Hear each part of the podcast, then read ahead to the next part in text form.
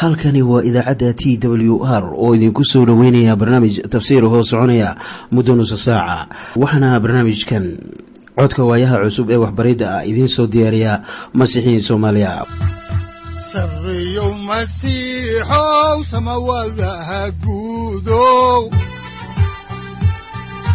Siraadkii adduunkow subanaha eebow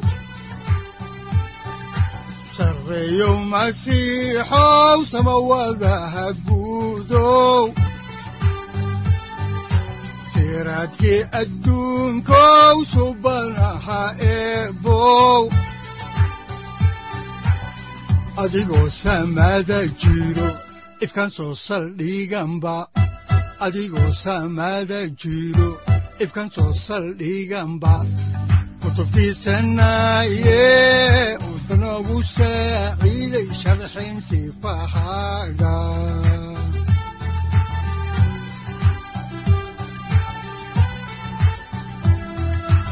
kutubtiisinayo ebanagu saaciid sharxin sifahaaga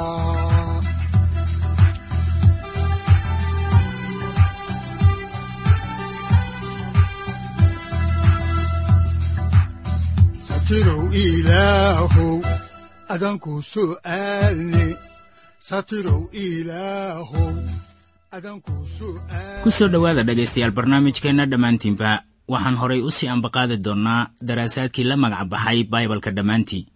Kuwaasoo aynu ku eegayno dhammaan waxa ku qoran kitaabka quduuska ah ee ilaah. Waxaannu horay idinku sii wadi doonnaa kitaabka bilowgii cutubkiisa koowaad oo aynu kaga gudbi doonno cutubka labaad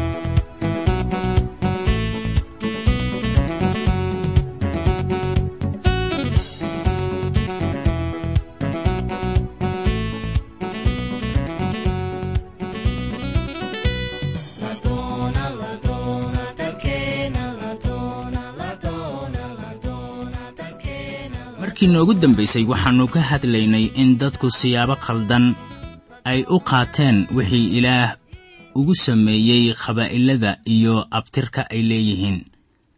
Waxay u qaateen sida in la yidhi islaaya oo wax kala dhaca oo midba kan uu ka xoog ron yahay habboobo.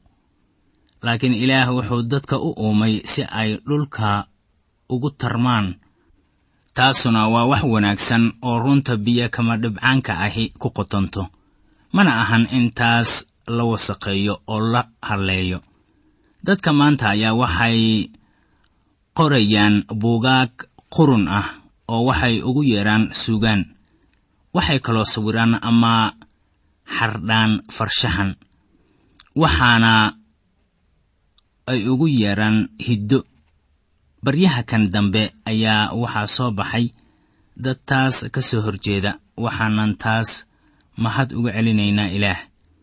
Waxay odhanayaan waxa loo yaqaano dhaqanka iyo hiddaha maanta way soo jilcayaan oo heerkoodiina wuu dhacayaa mana lagu tilmaami karo farshaxan sinaba dadka ugu wanaagsan. Ilaah marnaba uguma talagelin in xidhiirka dadka sidaas ahaado ilaah wuxuu ninka ka abuuray araggiisa. Ninkaasu waa aadan.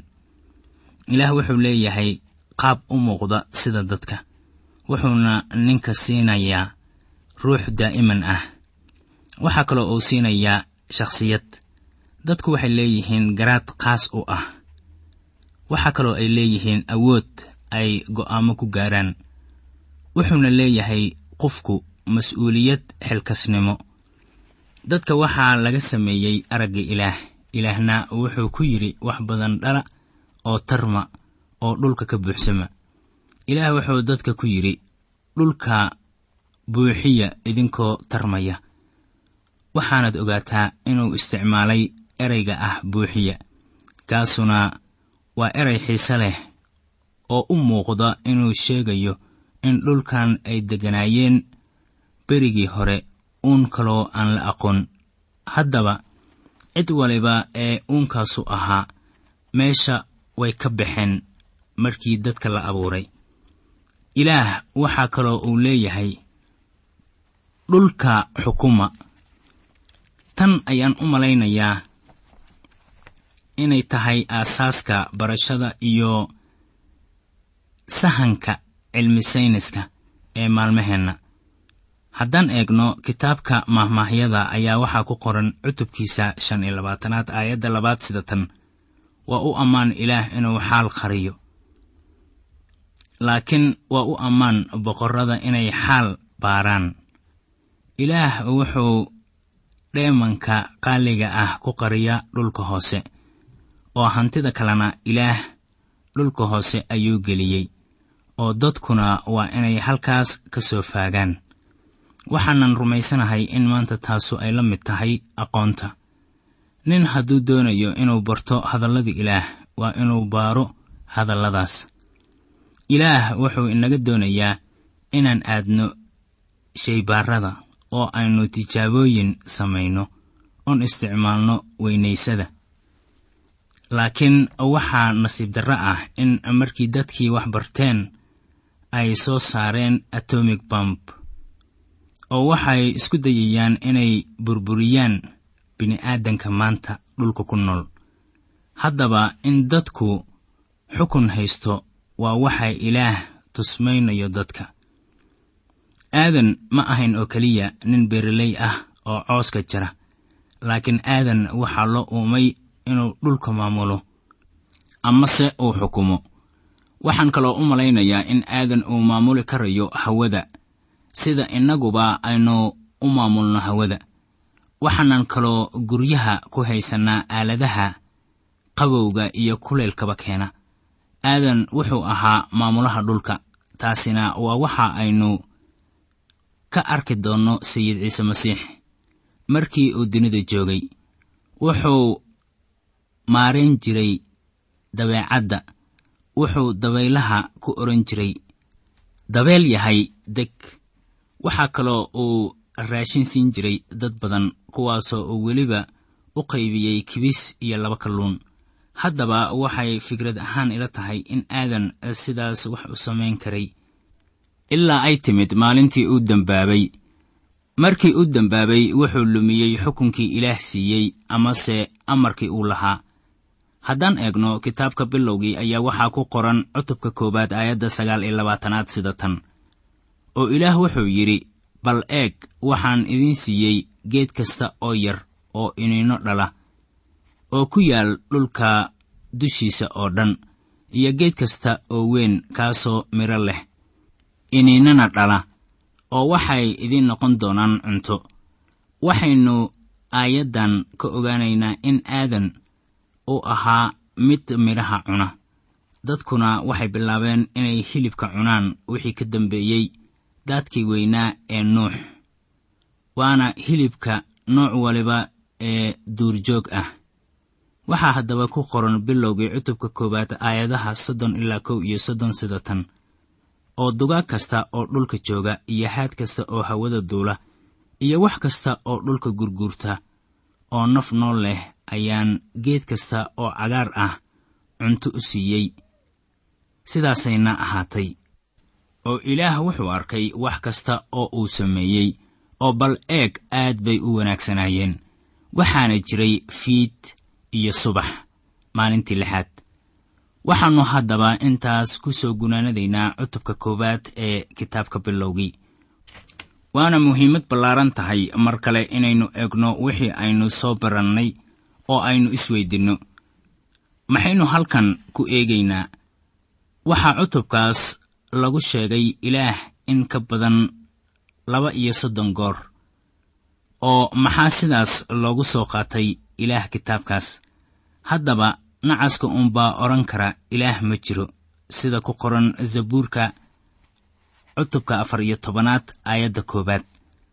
Haddaba baibalka waxaa loo qoray inuu muujiyo waxyaabaha xagga ruuxa ah ee ku taxalluqa diimaha nabaaddiinnada iyo xaqaa'iqa dhabta ah ee walxaha. Waa in waxyaabahan oo dhan rumaysad lagu sameeyo. Runtuna waxa weeye in rabbigu ilaah yahay oo uu wax walibana uumay. Waxaan kaloo ku arkaynaa cutubkan koowaad doonistiisa xorta ah ee uu wax ku samaynayey taasina waa waxa bawlos uu yidhi sida ku qoran. Kitaabka rooma cutubka koowaad aayadda labaatanaad oo leh tan iyo abuurninta dunida waxyaalihiisii aan la arki karin ayaa bayaan loo arkaa iyagoo laga garto waxyaalihii la sameeyey xataa xooggiisa daa'imiska ah iyo ilaahnimadiisa si ayaan marmarsiiyo u lahaan. Runtu waxa weeye in ilaah uu inagu dhex xiray rumaysadkiisa. Isagu ma ahan ilaah kale waxaase weeye abuuraha. Wax waliba isagay ka soo ankumeen waayo isaga wuxuu jiray intaannu inagu jirin. Ilaah baa wax waliba ku jira. Wuxuu wax u sameeyaa si waafaqsan doonistiisa xorta ah. Cutubkii koowaad wixii muhiimka ahaa ee ku qornaa ayaa waxa ay kala yihiin kow amar labo horumar saddex degdegsiinyo afar kaamilnimo waxaannu haatan soo gaarnay dhammaadka cutubka koowaad iyo bilowga cutubka labaad. Cutubkan labaad wuxuu ka hadlayaa mawduucyada sida maalinta sabtida gabagabada maalinta shanaad abuuristii ninka shuruudda dadka ama xaawo iyo aadan la siiyey iyo abuuristii xaawo. Waxaa halkan yaalla qaynuun weyn ee laynoogu muujiyey kaasoo aynu ku arkayno markii koowaad cutubkan. Laakiin wixii intaa ka dambeeya qaynuunkaasu wuu soo noqnoqonayaa oo waxaa lagu arkayaa hadallada qoran ee ilaah. Qaynuunkaasi waa mid astaan u ah waxyiga ilaah. Waa sharciga naqtiinka ama dib ugu laabashada. Marka dhanka kale laga eegana ruuxa ilaah marka uu dhiibanayo ama bixinayo hadallada ilaah waxaa caado u ah inuu si kooban oo isku xigxigta u sheego xaqaa'iqyo fara badan iyo runta qoran. Dabeetana wuxuu sii ambaqaadayaa qisada ama taxanaha ahmiyadda ballaaran. Oo faallo ayuu ka sii bixinayaa oo kala bayaaminayaa waxaa taas aan ku arkaynaa cutubka labaad oo ay ku qoran yihiin lixdii maalmood ee abuurista sida laynoogu sheegay cutubka koowaad. Ku noqoshada caynkan ah waxaa laga helaa kitaabka la yidhaahdo sharciga ku noqoshadiisa. Wuxuu sharaxaad ka bixinayaa sharci afartan sano ka hor lagu qoray cidlada. Carruurtii israa'iil ayaa waxaa haystay dhib markaana sharciga ku noqoshadiisa ku noqon maayo oo keliya sharcigii qornaa laakiin sharaxaad buu weliba ka bixinayaa. Waxaa taas la mid ah afartii injiil oo laynama siinin oo keliya hal injiil. Hannaanka caynkan oo kale ah waxaa laynagu siiyey hadallada ilaah waana hannaan wixii la qoray lagu soo celinayo iyadoo ujeeddo leh. Haatanna aynu eegno maalintii toddobaad. Cutubkan ayaa wixii dadka quseeyey ama ku saabsanaa la soo hormariyey. Markaana lixdii maalmood oo kale ayaa laga doortay maalintii toddobaad bal aynu haatan idin akhrinno cutubka labaad aayadaha kow ilaa saddex oo leh samada iyo dhulkuna way dhammaadeen iyo waxa badan ee ku jira oo dhammuba maalintii toddobaadna ilaah wuu dhammeeyey shuqulkiisii uu sameeyey oo maalintii toddobaad ayuu ka nastay shuqulkiisii uu sameeyey oo dhaniba oo ilaah wuu barakadeeyey maalintii toddobaad quduusna wuu ka dhigay. Maxaa yeelay maalintaas ayaa ilaah ka nastay shuqulkiisii uu sameeyey ee ahaa abuuridda oo dhan. Haddaba ha seegin ahmiyadda ay leedahay maalinta sabtida. Maxay ka micno tahay? Marka ay leedahay aayaddu ilaah wuxuu ka nastay hawshiisii. Ma waxay ka micno tahay in ilaah daalay oo intuu fadhiistay nastay maalintii toddobaad oo uu haddana yidhi war toddobaad mashquul ah ayaa i hor yaalla oo intuu afartan saacadood shaqeeyey ayuu haddana nastay. Haddaba haddii aad sidaas u eegto taasu waa waxaan micno lahayn ilaah wuxuu ka nastay hawshiisii. Markii ilaah uu dhammeeyey lixdii maalmood ee uu lahaa hawsha wuu eegay oo waxay ahayd lix maalmood oo wanaagsan mana jirin wax kale ee uu sameeyey. Markaan aniga iska soo qaado mar waliba oo aan xafiiska ka tegayo waxaa weli ii harsan howl kale oo miiska saaran. Weligay ma aanan awoodin intaan soo fadhiistay inaan idhaahdo waan soo dhammeeyey hawshaydii oo waan ka soo faraxashay laakiin ilaah howlihiisii wuu wada sameeyey. Markii lixdii maalmood u dhammaatay ayuu nastay maalintii toddobaad. Waayo shaqadiisii way idlaatay. Waxaa halkan inoogu qoran run rabbaani ah oo la hubo. Kitaabka cibraaniyadda ayaa wuxuu inoo sheegayaa markii aynu ilaah rumaysanno inaynu nasasho gelayno taasoo loola jeedo waxaynu gelaynaa sabtidiisa. Waxaannu gelaynaa furashadiisii kaamilka ahayd. Wuxuu inoogu dhintay iskutallaabta laba kun oo sannadood ka hor aniga iyo adigaba wuxuuna ina siinayaa furashada aynu geli karayno. Bawlos ayaa wuxuu leeyahay sida ku qoran warqaddii rooma cutubka shanaad aayadda koowaad sida tan. Sidaas daraaddeed innagoo xaq laynagaga dhigay rumaysad nabad baynu xagga ilaah ku haysannaa rabbigeenna ciise masiix. Saaxib far uma nuuxin karo inaan nabaaddiinno helo. Ha yeeshee ciise ayaa wada sameeyey taas. Ciise ayaa qaantaas iga dhiibay oo isagu wax badan buu u bixiyey dembigaygii. Si aan uga tago dembigaygii khatarta ahaa ee u gadudnaa sida dhiigga wuxuuna u mayray sida baraf cad. Shantii maalmood ee ugu horraysay ee abuurista oo la soo koobay ayaannu wax ka fiirinaynaa iminkana. Waxay u muuqataa in dunidan aynu ku noolnahay ay jirtay balaayiin sannadood ka hor.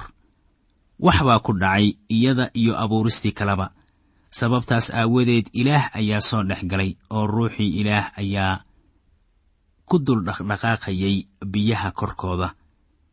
Dunida oo dhan iyo abuuristiisaba ayaa waxaa la dul keenay amar kaasoo saameeyey xaaladdii qasnayd ee dunida tiilay waxaana qorninku uu leeyahay sida ku qoran bilowgii cutubka labaad aayadda afraad sida tan. Kuwanu waa bilowgii samada iyo dhulka kolkii la abuuray iyaga. Maalintii rabbiga ilaah ahu sameeyey dhulka iyo samada. Sida daacadda ah erayga leh faraca wuxuu u taagan yahay qoysaska. Kitaabka bilowgii ma ahan oo keliya kitaab bilowga loogu talagalay laakiin waa kitaab ay leeyihiin faracyada iyo qoysaska. Waxaa jira sida qoran farac marka la leeyahay kuwanu waa bilowgii samada iyo dhulka kolkii la abuuray iyaga. Maalintii rabbiga ilaah ahu sameeyey dhulka iyo samada. Haddaan horay u sii ambaqaadno kitaabka bilowgii ayaa waxaa ku qoran cutubka labaad aayadaha afar ilaa shan sida tan dhirta duurkuna weli kuma ay oolin dhulka. Geedaha yaryar oo duurkuna weli sooma ay bixin waayo rabbiga ilaah ahu dhulka roob kuma soo dayn nin dhulka beeraana ma jirin. Laakiin ceryaamo baa dhulka kor uga soo bixi jirtay oo waraabin jirtay dhulka dushiisa oo dhan. Sidaas ayay ahayd xaaladda dhulku intaan dadka la uumin dabeetana waxaynu awoodaynaa inaan ogaanno sababta ilaah uu inoogu qoray qisada cutubka koowaad ee bilowgii. Cutubka koowaad waxaynu ku soo aragnay in ilaah hoy u samaynayey nin uu abuuri doonay. Ilaah haatan wuxuu isku diyaarinayaa inuu keeno ninka meeshii uu u diyaarinayey isaga. Haatanna aynu eegno abuuristii aadan cutubka koowaad waxaynu ku soo aragnay in dunida ay marnayd. Dabeetana naf nooli ay soo gashay. Waxaana qoran bilowgii ilaah samada iyo dhulkuu abuuray. Ficilkii labaad ee ilaah uu sameeyey wuxuu ahaa isagoo abuuray naf nool.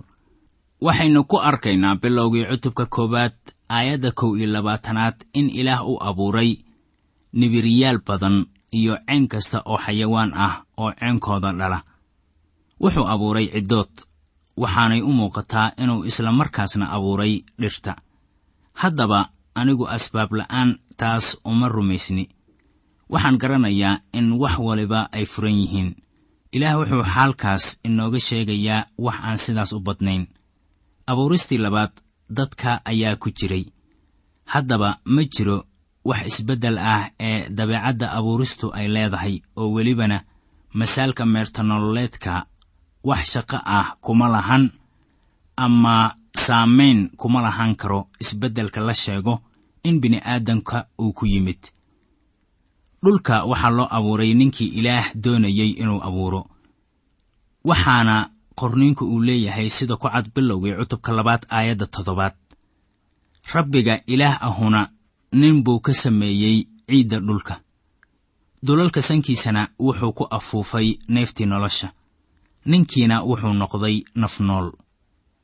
Habkan baa ilaah uu u abuuray ninka sida aynu arkaynana.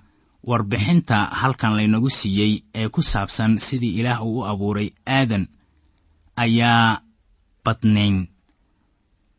Ninka waxaa laga uumay ciidda.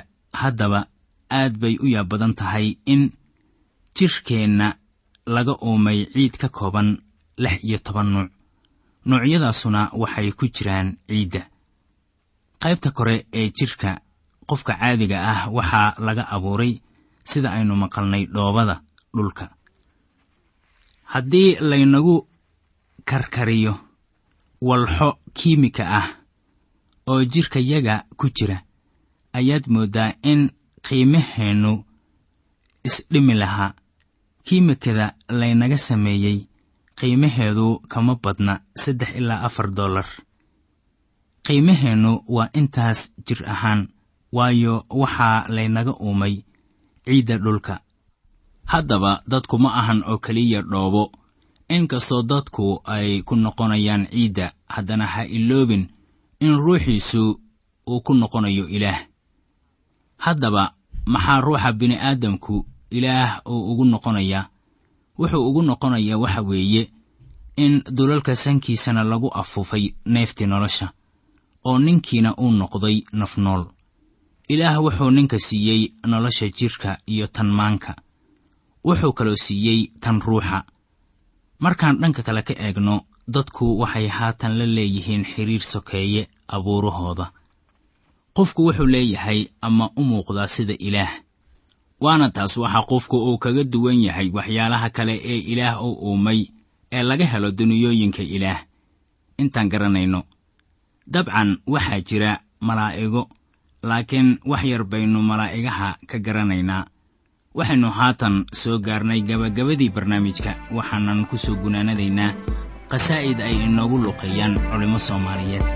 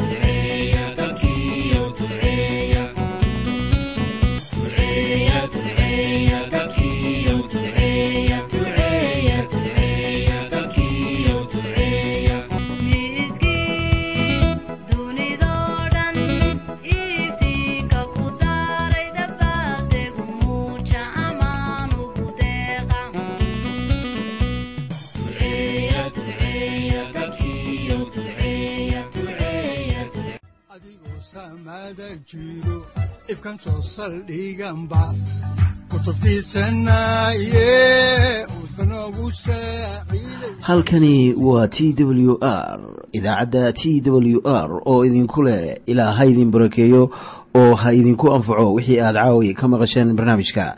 Waxaa barnaamijkan oo kalaa maqli doontaan habeen dambe hadahan oo kale haddiise aad doonaysaan in aad fikirkiina ka dhiibataan wixii aad caawi maqasheen ayaad nagala soo xiriiri kartaan som t w r at t w r c o k e dhegaystayaal haddii aad doonaysaan inaad mar kale dhegaysataan barnaamijka fadlan mar kale booqo www t t b o r g ama www t w r o r g halka sare waxaad ku arkaysaa markii aad gasho language ama luuqadda waxaana dooranaysaa soomaali haddii aad doonaysaan in aad dejisataan oo kaydsataan barnaamijka ama aad mar kale dhegaysataan fadlan mar kale booqo www t t b t w r o r g ama www t w r o r g haddii aad doonayso in laga kaalmeeyo dhinacyada fahamka kitaabka amase aad u baahan tahay duco fadlan fariimahaaga soo mari bogga aaraahda ama kommentska inana jawaab degdeg ah ayaanu ku soo diri doonaa amase ku siin doonaaye sarreyow masiixow salula wihiyow saacadda timid dhulka sabada ku dhalatiyo